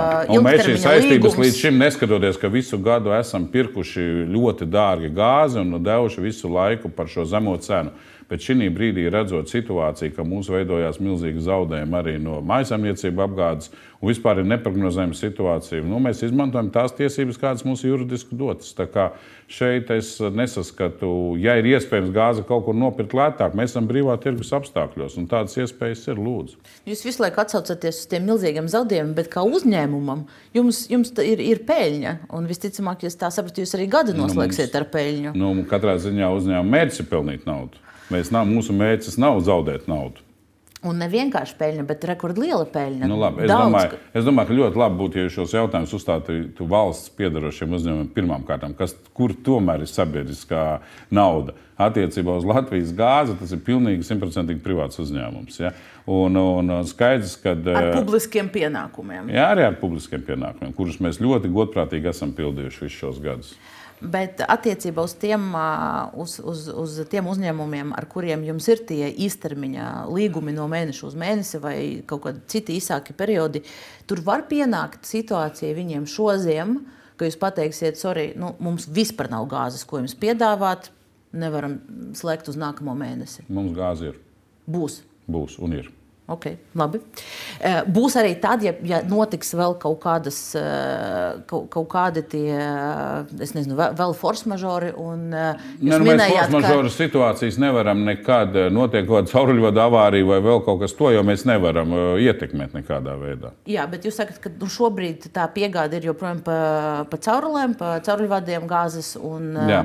minēt, ka ap Mūsu... 70% ir no Krievijas. Uh, nu, es nezinu, vēl kaut kāds šantāžas elements no Putina puses, ko mēs šobrīd nevaram izslēgt. Aiztaisīs nu, cietu, jums paliek tikai 30%. Kā tad jūs to visu apgādāsiet? Nē, nu, kādā ziņā tāpēc mēs arī turam krātuvē šīs krā, rezerves. Bet mēs tās viņu, jums ir mazas, jūs paši mazas, jā, bet mēs viņus turam un neaiztiekam. Šādai ekstrēmai situācijai, ja radīsies kaut kādas grūtības. Jūs, bet jums nepietiks, ar, ja, ja, rīt, Katrā... ja rīt Putins nolemj šantažēt Baltijas valstis, uh, atkal pārgriež un, un apstādina to, to plūsmu. Jums Sinču kalnā ir, jūs paši teicat, 0,3. 0,5 šobrīd. Okay, mēs jau esam iekonomējuši, bet, mēnešiem. bet nu, ar to nepietiks visiem jūsu klientiem Latvijā. Katrā ziņā situācija mainās katru dienu. Tirgus paliek ar vien aktīvāks. Atvērsies termināls decembra vidū Somijā. Tātad ir nepārtraukts piegādes arī caur Klaipēdas terminālu gāzi. Šobrīd tirgu ir nopērkama. Šobrīd nav situācija, kā tas bija varbūt augusta mēnesī, kad gāze bija absolūts deficīts. Šobrīd gāzi var brīvi nopirkt tirgu. Protams, mēs nevaram paredzēt situāciju, ja notiks kaut kāda tāda force majeure situācijas. Tad, protams, atkal radīsies deficīts, bet tas izraisīs atkal milzīgu cenu kāpumu un tajā pašā laikā cenu, teiksim, gāzes patēriņa samazināšanos. Tā kā Katrā ziņā es varu pateikt, ka mums šobrīd gāzes pietiek, un mēs ar diezgan skaidru seju skatāmies uz pavasari. Ja? Okay, labi, skatāmies ar skaidru seju, bet, bet kamēr mēs vēl esam pie, pie tarifiem un, un cenām, Jūs tā līdz galam neatbildējat uz manu jautājumu. Ja, ja gadījumā regulators būtu piekritis un, un jūs tomēr iet uz to tarifu pārskatīšanu 1. oktobrī, jūs varat pateikt, kādu summu jūs būtu prasījuši, kādu to līmeni? Nu, mēs būtu prasījuši summu tādu cenu, kāda ir tajā brīdī tirgu. Bet, nu, protams, jā, de, debatēs, debatēs. Vai cik bija uz 1. oktobra, mēs tagad varam paskatīties 163 Tā tad, bet tas būtu debašu jautājums ar regulātoru, kādās proporcijās, kādas piegādes, no kurienes un ko. Un tā tarifs jau neveidojās no tā, ka tu pieprasījums jau var būt viens, bet realitātē viņš ir cits. Bet mēs, protams, būtu vēlējušies, lai tirgus, lai cena mūs nosedz mūsu izdevumus. Nu, tarifs nosedz mūsu izdevumus. Tāda, protams, Latvijas gāzes vēlme būtu. Turpmāk es gribētu parunāt par vispār nākotni un, un Latvijas gāzes nākotni. Es gribētu sākt ar 1. māju, jo tad nu, tarifus vairs neregulēs Sabiedrisko pakalpojumu regulēšanas komisija. Pilnīgi brīvs tirgus. Nu, mēs runājam par maisaimniecībām, par apkuri, par, par gazas plītīm. Uh, Jūs varat prognozēt, kas tad notiks? Kāda būs tā cena? nu, man ir grūti pateikt. Šobrīd jau nekādi regulējuša noteikumi no valdības puses nav pieņemti. Tikai pieņemts likumā norma, ka no 1. maija tirgus ir jāatver maisainiecībām. Nu, tas, ko mēs dzirdam sarunās, ka būs kaut kāds universālais pakalpojums, nu, universālā pakalpojuma princips, kuru tad arī tirgotāji piedāvās. Nu, katrā ziņā visdrīzāk maisainiecībām būs izvēle Viņam, protams, jau šodien ir izvēle. Viņi jau šodien var aiziet pie jebkura cita tirgotāja, nepalikt pie Latvijas gāzes, jo, diemžēl, tā negodīgā tirgus konkurences situācija ir tāda, ka mums tas ir likuma uzdots pienākums, ar citiem tā ir brīva vēlme. Viņiem ir labāka cena, viņi var mums atņemt šos klientus. Tā tas arī šo gadu garumā ir noticis. Bet tajā brīdī, kad cenas strauji sāk kāpt, lielākā daļa klientu atnāca pie mums atpakaļ, jo Latvijas gāzē bija lētākā gāze, un arī šobrīd mums ir lētākā gāze. Nu, par to negodīgumu mēs jā, varam strīdēties, jā, jo 20 jā, bet, gadi bija monopols, tāda parāda sabiedrībai ir, varbūt ir jādod. Jā, nu, jūs lietojat eh, frāzes un vārdus, kas, ir, protams, ir cilvēkiem liekas nepatīkami, bet šos 20 gadus valdība piešķīra privatizējot Latvijas gāzi. Tās nebija eh, kaut kādā veidā Latvijas gāzes nopelns, ka Latvijas gāze tur tagad to izmantoja. Tas bija noteikums, lai sakārtotu gāzes infrastruktūru. Eh, valdība iedeva šos 20 gadus. Tur gan nu, jāsaka, pretējā gadījumā privatizācija nebūtu tādā veidā notikusi visdrīzāk. Ja? Tur gan jāsaka, ja mēs, ja mēs ejam nu, drusku dziļāk, tad jāsaka, ka e, daudzi eksperti, kas ir iepazinušies e, ar, ar, ar to privatizācijas līgumu, e, ir arī publiski rakstījuši, ka īstenībā nosacījumi un pielikumi ļāva ātrāk izbeigt uh, šo nu, monopolu stāvokli. Es neesmu tajā uh, juridiskajā jomā tik kompetents, lai pateiktu, ko varēja un ko nevarēja darīt. Ja? Bet uh, monopols nāca līdz ar, līdz ar uh, privatizāciju. Tas ir drusku cits stāsts. Ja? Bet katrā ziņā tas, kas uh, tiešām šobrīd ir negodīgi, un es vēlreiz uzsveru, nu nevar būt tirgu situācija, ka ir vienai daļai tirgus ir brīvs, o otrai daļai viņš ir regulēts. Un šo negodīgumu vajadzētu 1. maijā mierīgi izbeigt. Un tad klientiem būs. Ko jūs tad darīsiet? Kāda būs tā cena? Vienkārši biržas cena nu, un viss? es man ir grūti pateikt, nu, droši vien tāda cena, kāda gāzei tirgu būs tajā brīdī. Nu, visiem viņa tāda būs. Nu, ja mēs šobrīd atvērtu, paskatītos mūsu galveno konkurenta mājaslapu un apsītos, piemēram, cik šobrīd elektrums piegā, pie, piedāvā izlīdzināto maksājumu dabas gāzei, tad jūs redzētu, ka Latvijas gāzei cena šobrīd ir uh, ievērojami zemāka nekā elektrumam. Ja? Tāpēc es vēlreiz atbildu par to, ka Latvijas gāzei gāzes nu, teiksim, cena šobrīd ir ievērojami labāka nekā citiem konkurentiem. Ievērojami labāk. Okay. Ar, ar, ar, ar to Tāpēc, ka pozīciju... mēs vienmēr esam saimnieciski rīkojušies. Nu, redz... Tāpēc, ka mēs par katru centu atbildam, par katru eiro. Bet tur, kur iedalās valsts ar kaut kādām subsīdijām, protams, tur ir drusku savādāk. Labi, labi. Vis, es, jā, es sapratām, jā, sap, sapratām jūsu jā. pozīciju par Latvijas jā. gāzes to, to tēlu, bet uh, mazliet arī par gan Latvijas gāzes, gan kopumā Latvijas uh, nu, visas šīs uh, energoapgādes sistēmas nākotni.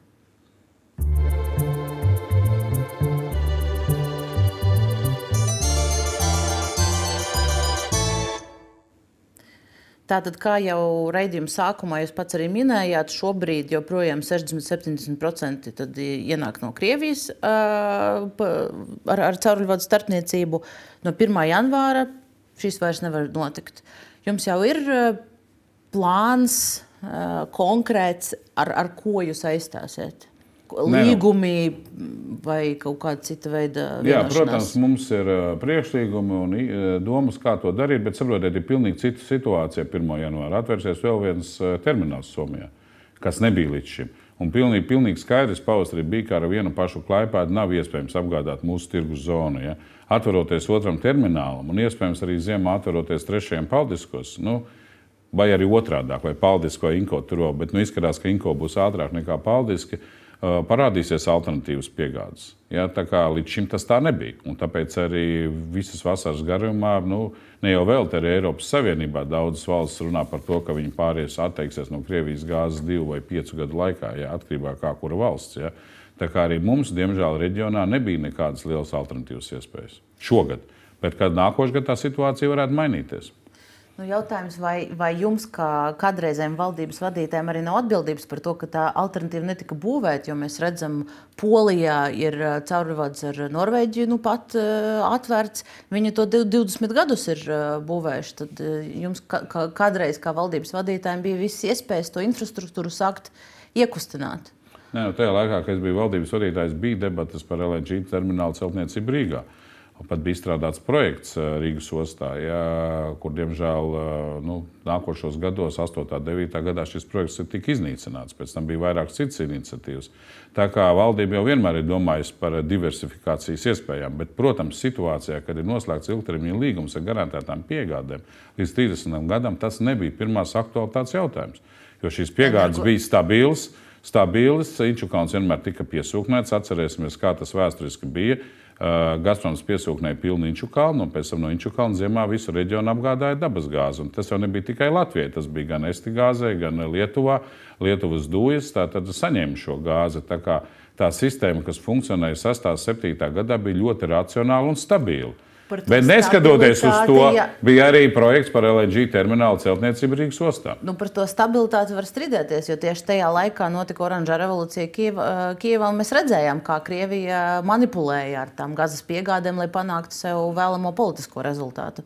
Tāpēc nu, gluži par nu, stabilu es, to nevar būt. Es vienkārši jums raksturoju, kāda bija tajā brīdī situācija. Ilgtermiņa līgums, stabils piegādes, Inčukalns kā drošības garants. Jo atrodoties Gāzē Inčukalnā, kas nodrošināja gada patēriņu visam reģionam, bija pietiekoši laba sajūta. Bet neskatoties to, es vēlreiz atkārtoju, bija domas par LNG terminālu celtniecību Latvijā. Un pat projekts tika izstrādāts. Nu, jautājums, vai es varētu izdarīt vairāk, jo tomēr nu, tā stabila sajūta, ka jūs sakat, nebija pamatot, Ziniet, jo mēs redzējām, ka jā. kaimiņos politiski jā, eh, un, gāze tiek izmantota. Jā, un tāpēc arī Baltijas valstu premjeri manā personā arī parakstīja līgumu par atomstacijas celtniecību pēc Ignalīnas slēgšanas Lietuvā, kuru arī projektu pēc tam iznīcināja. Ja? Ja, un tas projekts, kuru mēs toreiz parakstījām, paredzēja, ka 22. gadā būtu Lietuvā darbojošās atomelektrostacijas. Tad mēs 22. gadā vispār nerunājam par dabasgāzes nepieciešamību, jo mēs pildījumā varētu enerģētikas problēmas atrisināt ar kodolenerģiju. Diemžēl to nākošās valdības iznīcināja šo projektu.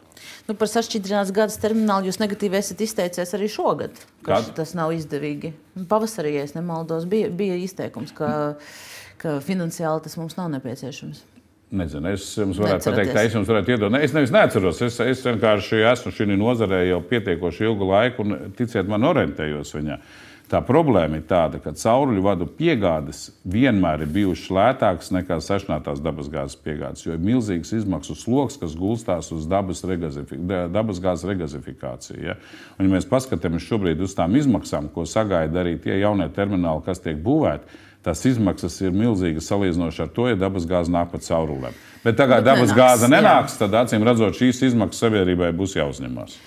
Īsi vēl par Latvijas gāzes nākotni, jo nu, no, no, no uzņēmuma, kuram ir gan šī apgādes sistēma, gan lielas caurules, gan inču kalns, gan, gan maza apgādes sistēma, jūs kļuvāt nu, par, par tādu pašu gāzes tirgotāju kā daudzi citi. Un, no 1. janvāra jums vairs nebūs arī tās priekšrocības, šīs te, nu, teiksim, tā, īpašas attiecības ar, ar, ar Gazprom.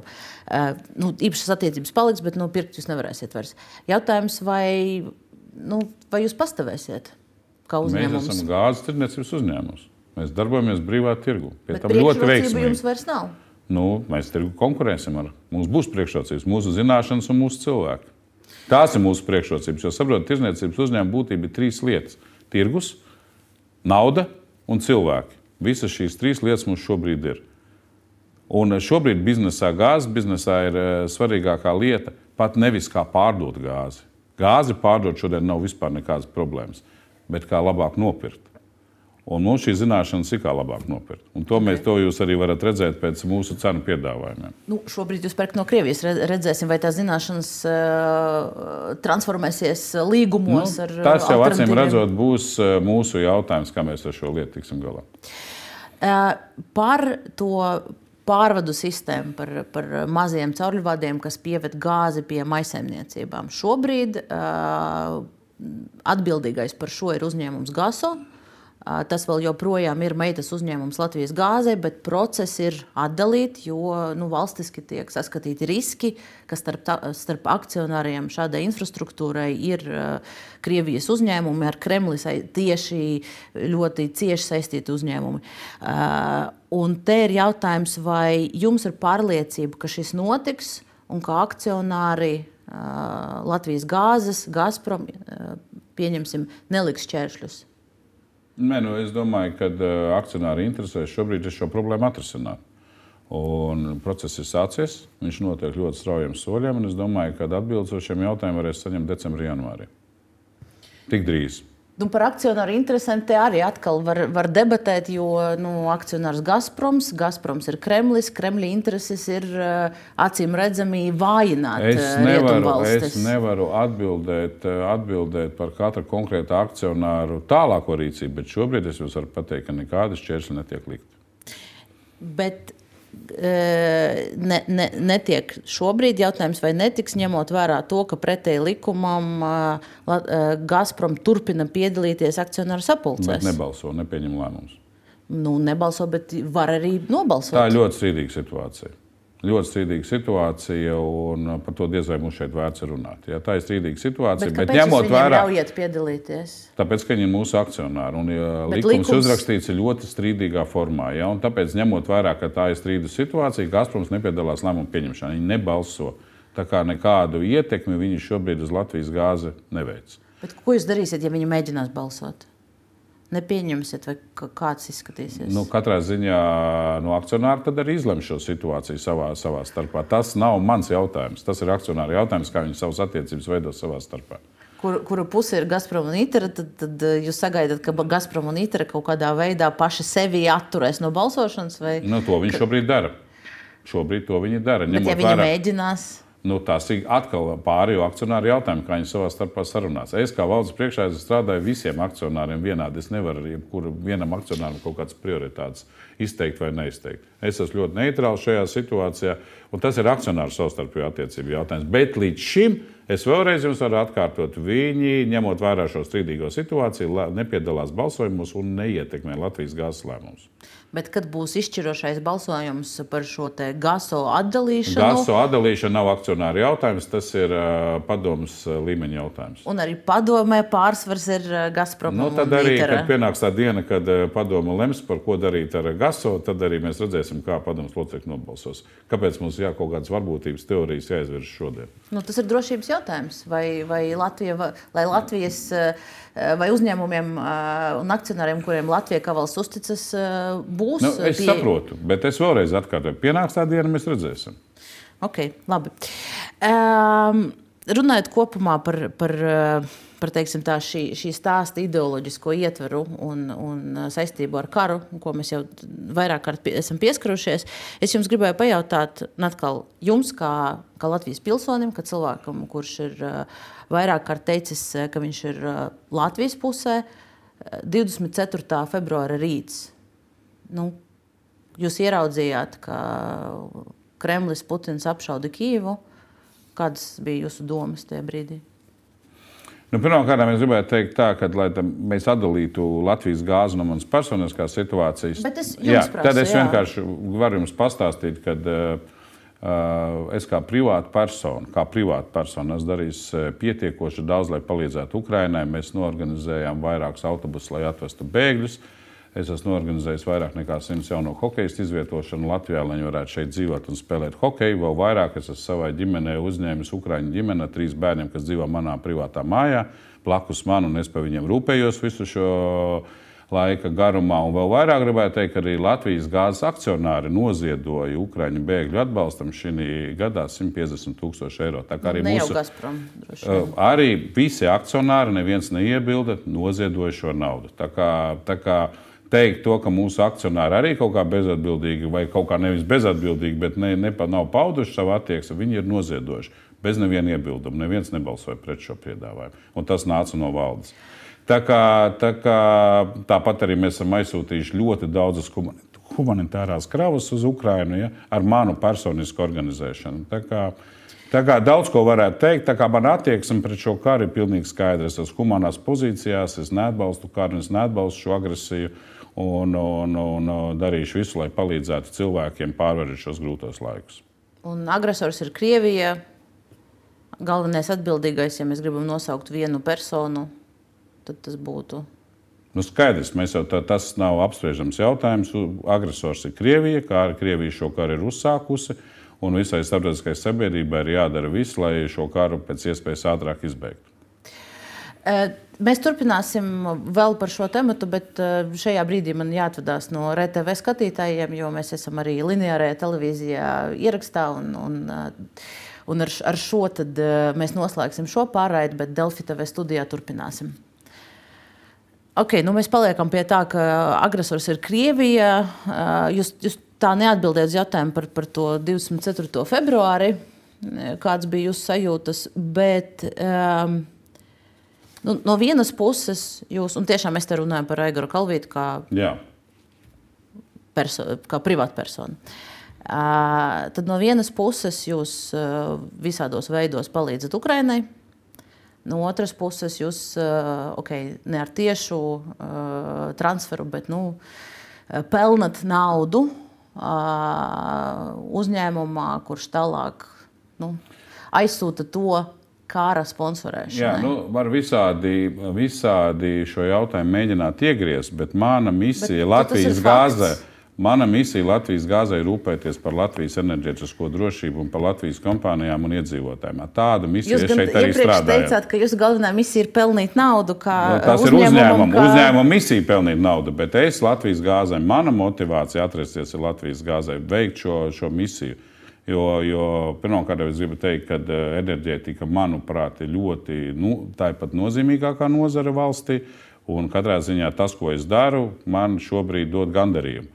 Un, un visas šīs peripētīs un grūtības, kas šobrīd man ir jārisina, nu, katrā ziņā es uzskatu, ka es ar viņiem tieku galā. Bet iekšējais konflikts jums ir? Kādā ziņā?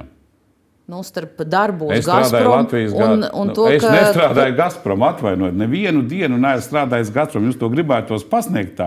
Nevienu dienu es neesmu strādājis. Puse, puse jūsu akcionāri ir Gazprom kopā ar Rosnefts. Nu, nenolieksim to realitāti. Un tie ir jūsu darba devēji. Jā, bet es esmu no Latvijas pilsonis, strādāju Latvijas kompānijā, kur es vēlreiz varētu tikpat labi, teikt, man ir akcionāri Vācijas valdība, man ir akcionāri Eiropas komisija, man ir akcionāri seši lielas Eiropas investīciju bankas, Latvijas iedzīvotāji 2% un tā tālāk. Tā kā mēs varam visādi to situāciju griezt. Es, esmu, eh, es nevaru šo situāciju nekādīgi savādāk izskaidrot. Man ir līgums vēl uz pusotru gadu. Tas būs manā tam? ziņā, manā ziņā, ko es darīšu pēc tam. Bet katrā ziņā es šobrīd eh, esmu tādās līguma saistībās, un es daru svētīgu darbu, lai nodrošinātu, vismaz manā uztverē, lai nodrošinātu enerģētisko drošību Latvijas valstī. Vai kaut vienu reizi mm, šī pēdējā vairāk nekā pusgada laikā jums ir bijusi doma aiziet no šī darba? Nu, tas ļoti privāts jautājums. Es atļaušos neatbildēt uz to. Un pēc pusotra gada? Arī atļaušos neatbildēt. Ir grūti. To es varu tikai pateikt. Ir grūti gan strādāt. Mēs strādājam ļoti daudz cilvēku uz izdegšanas robežas. Uh, jo ir ļoti daudz problēmas, kas vienkārši krīt kā sniega lavīna uz galvas, un viņi krīt, diemžēl, katru dienu. Tā šis nav vieglākais laiks, tā absolūti nav vieglākā pastaiga. Un dabīgi, ka cilvēku resursi ir ierobežots, bet droši vien tik ļoti privāti jautājumi es atturēšos atbildēt jums. Pirms laika jūs mēdījos bieži, protams, esat, bet, bet viena no tām ļoti skaļām, skaļiem sižetiem mums, diemžēl, nav iespējas to parādīt, bet kolēģi no nekā personīgi ir jūs intervējuši un parādījuši, kā 2009. gadā vienā no pasākumiem, kur jūs piedalījāties un kur runā, Maskavā, kur runāja Vladimirs Putins, viņš nu, ejot cauri tam pūlim uz skatuves, specifiski paspiedu roku jums, un pēc tam skaidrojot šo, jūs stāstījāt, kā tri, iepriekšējā vakarā trīs stundas pavadījāt tētā tēt vakariņās ar viņu, ar Putinu. Tas bija 9. gadā. Un tas, ko es gribēju jautāt, nu, šobrīd redzot, ko Putins dara, vai jums nu, ir saprotams, kāpēc viņš ir uzsācis to karu? Nē. Es tas bija cits cilvēks, jā, es domāju, gadā. ka tas bija cits cilvēks. Un atcerēsimies, ka droši vien tie pirmie, pirmie viņa valdīšanas gadus Krievijā iezīmēja ar, ar kaut kādām, nu, teiksim, pozitīvām pārmaiņām. Tika veidotas attiecības ar Eiropas Savienību, tika pat runāts Tur... par to, ka noslēgts līgums ar NATO. Uh, Arī Čečenijas kars ir bijis. Jā, viss, kas tur ir bijis. Tur, jā, viss, kas tur ir bijis. Bet, nu, katrā ziņā uh, lai atgrieztos un noņemtu par šo jautājumu kaut kādus zemtekstus, man kā valdības vadītājam pamatu uzdevums bija noslēgt robežu līgumu ar Krieviju. Ja mums šodien nebūtu robežu līguma ar Krieviju, mēs varētu būt ļoti līdzīgā situācijā kā Ukraina. Un tas pie tam bija viens no pamatnosacījumiem, lai arī Latvija kļūtu, jā, lai, lai Latvija kļūtu par uh, NATO dalību valsti. Es uzņēmos vadīt, es Igauniem jautāju Igauniem. Es uzņēmos vadīt valdību 2006. gadā, lai es noslēgtu šo robežu līgumu. Un lielā mērā ar Vācijas valdības uh, atbalstu mums izdevās šīs sarunas novirzīt pozitīvā gaisotnē. Mēs jau bijām NATO un, un šo, brīdi, jā, un, uh, bijām, un parakstījām šo līgumu. Ja. Tā kā uh, tās attiecības ar Krieviju tika veidotas nenoliedzami. Viņas tajā brīdī, jā, viņas bija tajā brīdī visaugstākajā punktā. Ja. Un, un tas, kad es tiku uzaicināts uz vakariņām, nu, es biju viens konferences lektors, eh, veicu runu eh, par biznesa attiecībām un būtību, un biju vakariņās. Jā, tas nav nekāds noslēpums. Viņas tajā brīdī bija augstākajā punktā starp Latviju un Krieviju. Pēc tam šīs attiecības sāka katru gadu pasliktināties. Pēc tam, pēc šīm vakariņām, jūs runājāt vēl ar Putinu kādu reizi? Protams, Tad, ka nē. Nav iespējams ar citu valstu prezidentiem eh, nemaz tik bieži runāt vai satikties. Tad ir jābūt ļoti privātām attiecībām. Nu, trīs stundu tēt vakariņas gan izklausās. Nu, ziniet, es domāju, ka eh, šādas vakariņas man ir bijušas ar daudziem valstu vadītājiem. Es esmu gan Berlīnē bijis pie Angelas Merkeles uz privātām vakariņām, divu vairāk stundu garumā. Tā kā tā ir, es esmu pavadījis ar Toniju Blēru trīs stundas kopā viņa privātajā lidmašīnā, lidojot no Kievas uz Stalinu, ja, lai pārunātu Baltijas problemātiku. Man ir tādas vakariņas bijušas daudz, tas nav nekas īpašs. Ja tu normāli darbojies politikā un veido normālas ārpolitiskās attiecības, viņas tev ir slikti tam premjeram, kuram nav tāda attiecība. Man jāatgādina, ka eh, uz, uz to vakariņu brīdi jūs gan premjeras vairs nebijāt, uh, un arī politiķis uh, nē. Bet, um, nu, ja mēs apkopojam, um, jūs, bijat, jūs esat cilvēks, kurš, uh, nu, kurš ir bijis tuvu Krievijas pozīcijai vairākos posmos. Gan noslēdzot robežu līgumu, kur atkal nu, ir abranes jautājums, uh, gan vien, viens no posmiem, kad tika atlikta tirgus, gāzes tirgus liberalizēšana, atveršana, arī ir bijis jūsu valdības laikā. Ir Dienāmo Rīga, nopietnas saistības ar Krieviju, ir lūk, šis te teta tet vakariņas Tad jūs kļuvāt par darbinieku uzņēmumam Latvijas gāze, kur nu, liela loma ir Gazpromam. Nu, tā nav nekāda sakara. Nu, es par darbinieku kļuvu laikam 16. gadā. 15. Jā. Nā, 15. jā. Bet nu, šis viss kopums, jūs esat cilvēks, kas to, kas, kas to tuvību Krievijai vienmēr ir veicinājis no Latvijas puses. Vai šobrīd, ņemot vērā to, nu, kā tas viss izskatās, vai jūs nu, nenožēlojat savu pozīciju? Katrā vēsturiskā posmā ir, eh, ir eh, vēsturiskais moments. Un tajā brīdī, kad šīs attiecības ar Krieviju bija augstākā punktā, es vēlreiz atkārtoju, ļoti daudz labas lietas notika Latvijā. Un, eh, ļoti daudz ekonomikā bija aktivitātes. Latvija savā ziņā arī izmantoja Krievijas blakus esamību savai ekonomikas attīstībai daudzās sfērās, tāpat ko dara jau desmitiem gadu Somija, piemēram. Ja? Tā kā kaut ko nožēlot no tā visdrīzāk ir nepareizi.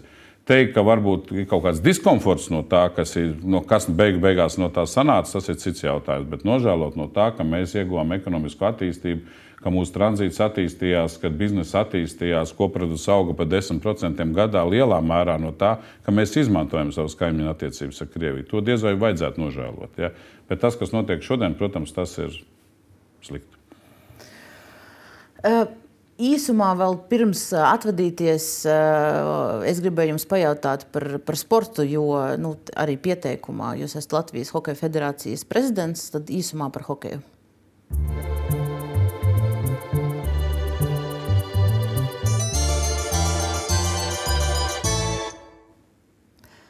Šovasar mēs uzzinājām, ka vairāki Latvijas uh, hokeisti ir izvēlējušies sprie, uh, spēlēt Krievijā, atkal KHL līgā, kas ir nu, Putinam pietuvināts projekts, maigās varas projekts uh, kā tāds. Uh, Latvijas Hokeja federācija formāli, protams, nu, fiziski apturēt viņus neviens nevar, bet nu, formāli to pārēju Latvijas Hokeja, Hokeja federācija nav apstiprinājusi. Uh, bet uh, lēmumā atsaucās uz, uh, nu, uz to, ka Latvijas likums šobrīd vienkārši liedz Latvijas sportistiem šādos turnīros Krievijai uh, piedalīties. Jautājums, ja nebūtu bijis šī likuma, vai arī tad Hokeja federācija neatbalstītu, vai, vai Vai tad jūs piekrītat? Nu, tas ir diezgan, diezgan tāds, uh, vien jocīgs jautājums. Šis ir pozīcijas jautājums, ideoloģiskās. Saprotiet, te nav ideoloģisks un pozīcijas jautājums. Cilvēks kā privātpersona ir brīvs savā izvēlē. Viņam tikai likums var aizliegt kaut ko nedarīt. Ja? Viņam nevaram, pat jums nepatīk, pieņemsim, kāda persona, jūs nevarat viņam kaut ko aizliegt darīt. Bet... Vai kā... Hokeja federācija būtu viņus nosodījusi arī tad, ja nebūtu likums, kas pasaka, ka Latvijas sportisti nedrīkst Krievijā spēlēt? Nu, droši vien tad mēs būtu citā situācijā. Šobrīd mums ir skaidrs likums, ka nevar. Mēs neesam apstiprinājuši transferu. Mēs pēc tam esam ņemot eh, vērā situāciju, ka IHF viņam apstiprināja šīs pārējas. Esam eh, pārsūdzējuši šo IHF lēmumu. Tā kā, ja būtu situācija cita, nu, tad būtu situācija cita. Es neņemos šobrīd spriest, jo beigu beigās. Uh, Beigu beigās privātpersona personīgi ir atbildīga par saviem lēmumiem. Es nevaru ietekmēt nevienu cilvēku izvēli darīt vai nedarīt kaut ko. Un ticiet man, droši vien simtiem cilvēku joprojām šobrīd strādā Krievijā, citās nozarēs. Un mēs vienkārši par viņiem nezinām. Hokejs šobrīd ir sabiedrībā ļoti atpazīstami cilvēki, un par viņu galvām šis jautājums nāk. Tā, tā ir viņu personiska atbildība, bet mēs esam likuma paklausīgi, mēs neakceptēsim un neatbalstam šādas darbības. Situācijā, kad ja nebūtu likuma, es nevaru uz to atbildēt. Visdrīzāk nosodījumu viņi saņemtu un varbūt nespēlētu valsts izlasē, kā tas arī visdrīzāk arī šī situācijā būtu. Bet ko kopumā eh, tas, ka nu, Tas ir ievērojams skaits gan spēlētāju, gan arī treneru. Viktors Ignaķevs no. Viktors Ignaķevs strādā Ķīnas izlasē un Ķīnas KHL, klubā. Bet jā, tam nav nekā, nu, bet viņš strādā Ķīnā. Nevajag atkal pārvērst visu, pārvērst kaut kādās kontroversālās lietās.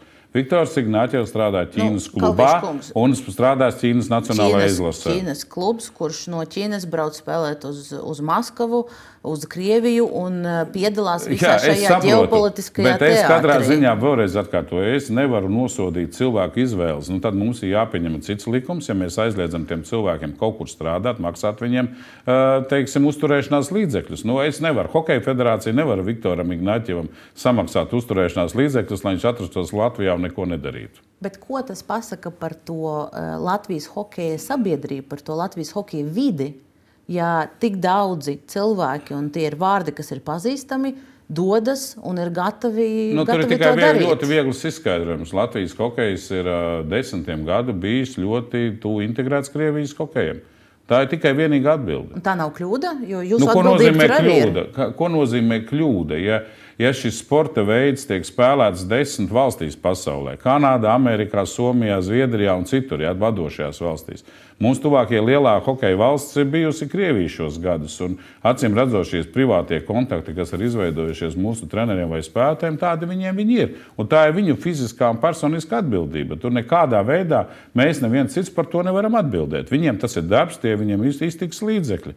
Nu, tad, ja viņi uzņemās šādu atbildību, tad lai viņi atbild saviem draugiem un, un, un paziņām, kāpēc viņi šādu lēmumu pieņēma. Es viņu vietā to nevaru atbildēt. Tas ir viņu jautājums. Nu, A grupā ir 16 valstis, un arī ir citi. Nu, tāpēc arī Hokeja federācija šobrīd uh, ir mainījusi absolūti savu kursu. Jūs redzat, mēs spēlējam Somijā, mūsu bērni spēlē Somijas čempionātā.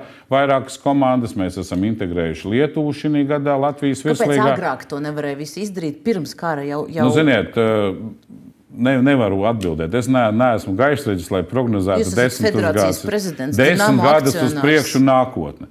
Katrā ziņā tajā brīdī, kad eh, Latvijas hokeja spēlēja Krievijā, tas bija Latvijas hokejam labi. Šobrīd, kad viņi vairs nevar spēlēt Krievijā, tiek meklēti citi ceļi. Nu, ar to gan hokeja speciālisti, cik es saprotu, pastrīdētos ar jums, vai tas bija labi Latvijai vai nē. Bet tas, kā ar Krieviju kaut kas nav kārtībā, nu, minimums no 14. gada mēs skaidri zinām. Jau tad varēja sākt to integrāciju ar to pašu Somijas mestis nu, otro līgu. Tajā, tajā brīdī tas nebija iespējams, tāpēc, Kāpēc? ka tādi mēģinājumi mums ir bijuši. Starp citu, arī Dienāmo laikos mūsu puskomanda jauniešu viena daļa spēlē Mestas līgā zem Somijas klubu. Rīgas dīnāma pat maksāja par to, lai viņi tur spēlētu, lai viņi varētu tur uzturēties, lai mums būtu kvalitatīva. Kvalitatīva hokeja plējāde augtu tālāk. Tā kā mēs jau to esam darījuši. Tikai tajā brīdī tas nebija tik aktuāli. Arī tā, jūs saprotat, tādā Zviedrijā, piemēram, mūs neviens nepieņem. Somijā šobrīd ar šo situāciju mūs pieņem. Ja? Tā kā citā situācijā ir, nu, tas nav tik vienkārši, kā jums liekas. Lai sarunātu spēlēt Somijā, Tur vien nepietiek ar labo gribu. Tur nepieciešama milzīga naudas līdzekļi un ļoti pozitīva attieksme no Somijas hokeja sabiedrības, lai viņi vēlētos braukt uz Latviju un Jelgavā spēlēt. Un tas nav tik vienkārši. Ja? Tas nav tik vienkārši. Jautājums, ja jūs būtu sākuši ātrāk, tas varbūt ātrāk arī notiktu. Mēs to sākām jau darīt jau, jau daudz gadus atpakaļ. Vēlreiz atkārtoju, mums divas maiņas spēlēja Somijas Mestas līgā vēl Dienamo laikos, un mēs par to maksājām, lai viņi tur spēlētu. Īsts jautājums par Startautisko hokeja federāciju. Nu, kopš kara sākuma tā nebija ļoti teiksim, tā, izlēmīga savos paziņojumos. Paziņojumā par to, ka tiek atņemts Krievijai čempionāts 23. gada, tika atsauc, atsauc, atsauce bija uz spēlētāju drošību. Mēs varam uz ekrāniem arī paskatīties, ka Pāvils Burē, Krievijas pārstāvis, joprojām tur tiek, ir, ir neskatoties uz Latvijas Hokeja federācijas nostāju, ka Krievijai tur vairs nav jāpiedalās. Nu, jautājums, vai, vai jūs, kā Latvijas Hokeja federācija, mēģinājāt pietiekoši stingri paust savu pozīciju? Kāpēc nav izdevies? Kāpēc Pasaules Hokeja federācija, kā tāda nozīmīga struktūra, joprojām nu, tā izvairās. Redziet, eh, redziet, nu, es, protams, ne, ne, neesmu advokāts ne Startautiskajai hokeja federācijai, ne šai situācijai, bet jāsaprot, ka eh, Startautiskā hokeja federācija ir tāda pati sabiedriska kustība kā jebkura. Un šobrīd Krievijas un Baltkrievijas darbība ir apturēta. Viņiem ir novērotāja status. Tas, ka viņi ekrānā dzird, ko runā pārējie biedri, bet paši nepiedalās balsojumos, tā ir ļoti skaidra situācija. Bet pozīcijas tādas stingras, eh, no nu, atvainot, kur vēl stingrāka pozīcija, kā, kur vēl stingrāka pozīcija, ka Krievija un Baltkrievija tika izslēgta no visām līgām ārā. Kur vēl stingrāka pozīcija? Kāda jūs vēlaties? drošību un nesaka, ka Putins uzsāka karu. Es Nebija nevaru komentēt, nevaru komentēt šos argumentus, bet Krievija un Baltkrievija nespēlē nevienā līgā Starptautiskā hokeja federācijā šobrīd. Tā ir ļoti ļoti stingra nostāja. Tā iemesla dēļ arī Latvijas U-20 izlase šogad spēlēja Krievijas vietā Kanādā. Ja, un spēlēs uh, janvārī Baltkrievijas vietā Kanādā. Tā kā, tā kā ir pilnīgi skaidra pozīcija, viņi ir izslēgti no sportiskās aprits. Es domāju, ka hokejam, kā sporta veidām, ir ļoti skaidra pozīcija. Daudzās citās starptautiskās federācijās tā situācija ir daudz neskaidrāka. Ja, ir, Nu, mēs zinām, kuras tās ir federācijas, kur joprojām Krievijas sportisti spēlē ļoti prestižos turnīros. Jūs, es, es, es, es prasu jums par hokeju, jo tur jūs esat ļoti skaidra pozīcija. pozīcija. Ļoti skaidrā okay, pozīcijā. Labi, ar, ļoti ar to mums, mums, mēs jau pārvilkām krietni to laiku un uh, raidījumu, un, un uh, mums tiešām drīz ir jāatvadās. Divi īsi jautājumi man jums ir pirms, pirms mēs noslēdzam šo pārraidi. Viens, uh, par, viens par gāzi, viens par, nu, teiksim tā, Eh, nu, ideoloģiju un karu. Par gāzi, ar ko jūs pats kurinat savu māju? Apsaugat? Nu, ļoti dažādi. Kā, kā kurā vietā? Citur ar malku, citur ar gāzi. Bet procentuāli? Nu, nu, procentuāli droši vien dominējošā ir gāze un dīzeļdegviela. Ok, skaidrs. Un uh, mazliet tāds nopietnāks jautājums par, par, par šo karu, ko Krievija uzsākusi Ukrainā. Um, nu, ņemot vērā jūsu darbību abās nozarēs, eh, gan hokeja, gan, gan, gan gāzes apgādē. Tas abas ir nozares, kuras eh, nu, ir te, tāds varas instruments. Krievijai ir bijis ne tikai Latvijā, bet arī citur pasaulē un Eiropā. Vai jūs joprojām varat apgalvot, ka esat Latvijas pusē? Es domāju, tas ļoti provokatīvs un nekaunīgs jautājums no jūsu puses. Kas jums liek šaubīties un domāt, ka es neesmu Latvijas pusē? Nosauciet kaut vienu argumentu. Nu, mēs ilgi tā runājām, tad esat. Jā, tā kā lūdzu, pret maniem bez provokācijām. Ok, labi. Tad ar šo arī noslēdzam šo raidījumu. Es gribu atgādināt skatītājiem, ka mēs esam skatāmi arī RTV, lineārajā te televīzijā un podkastu platformās Apple un Spotify. Audio versija ir pieejama. Paldies, Aigara Kalvieša kungs, ka piedalījāties šodien.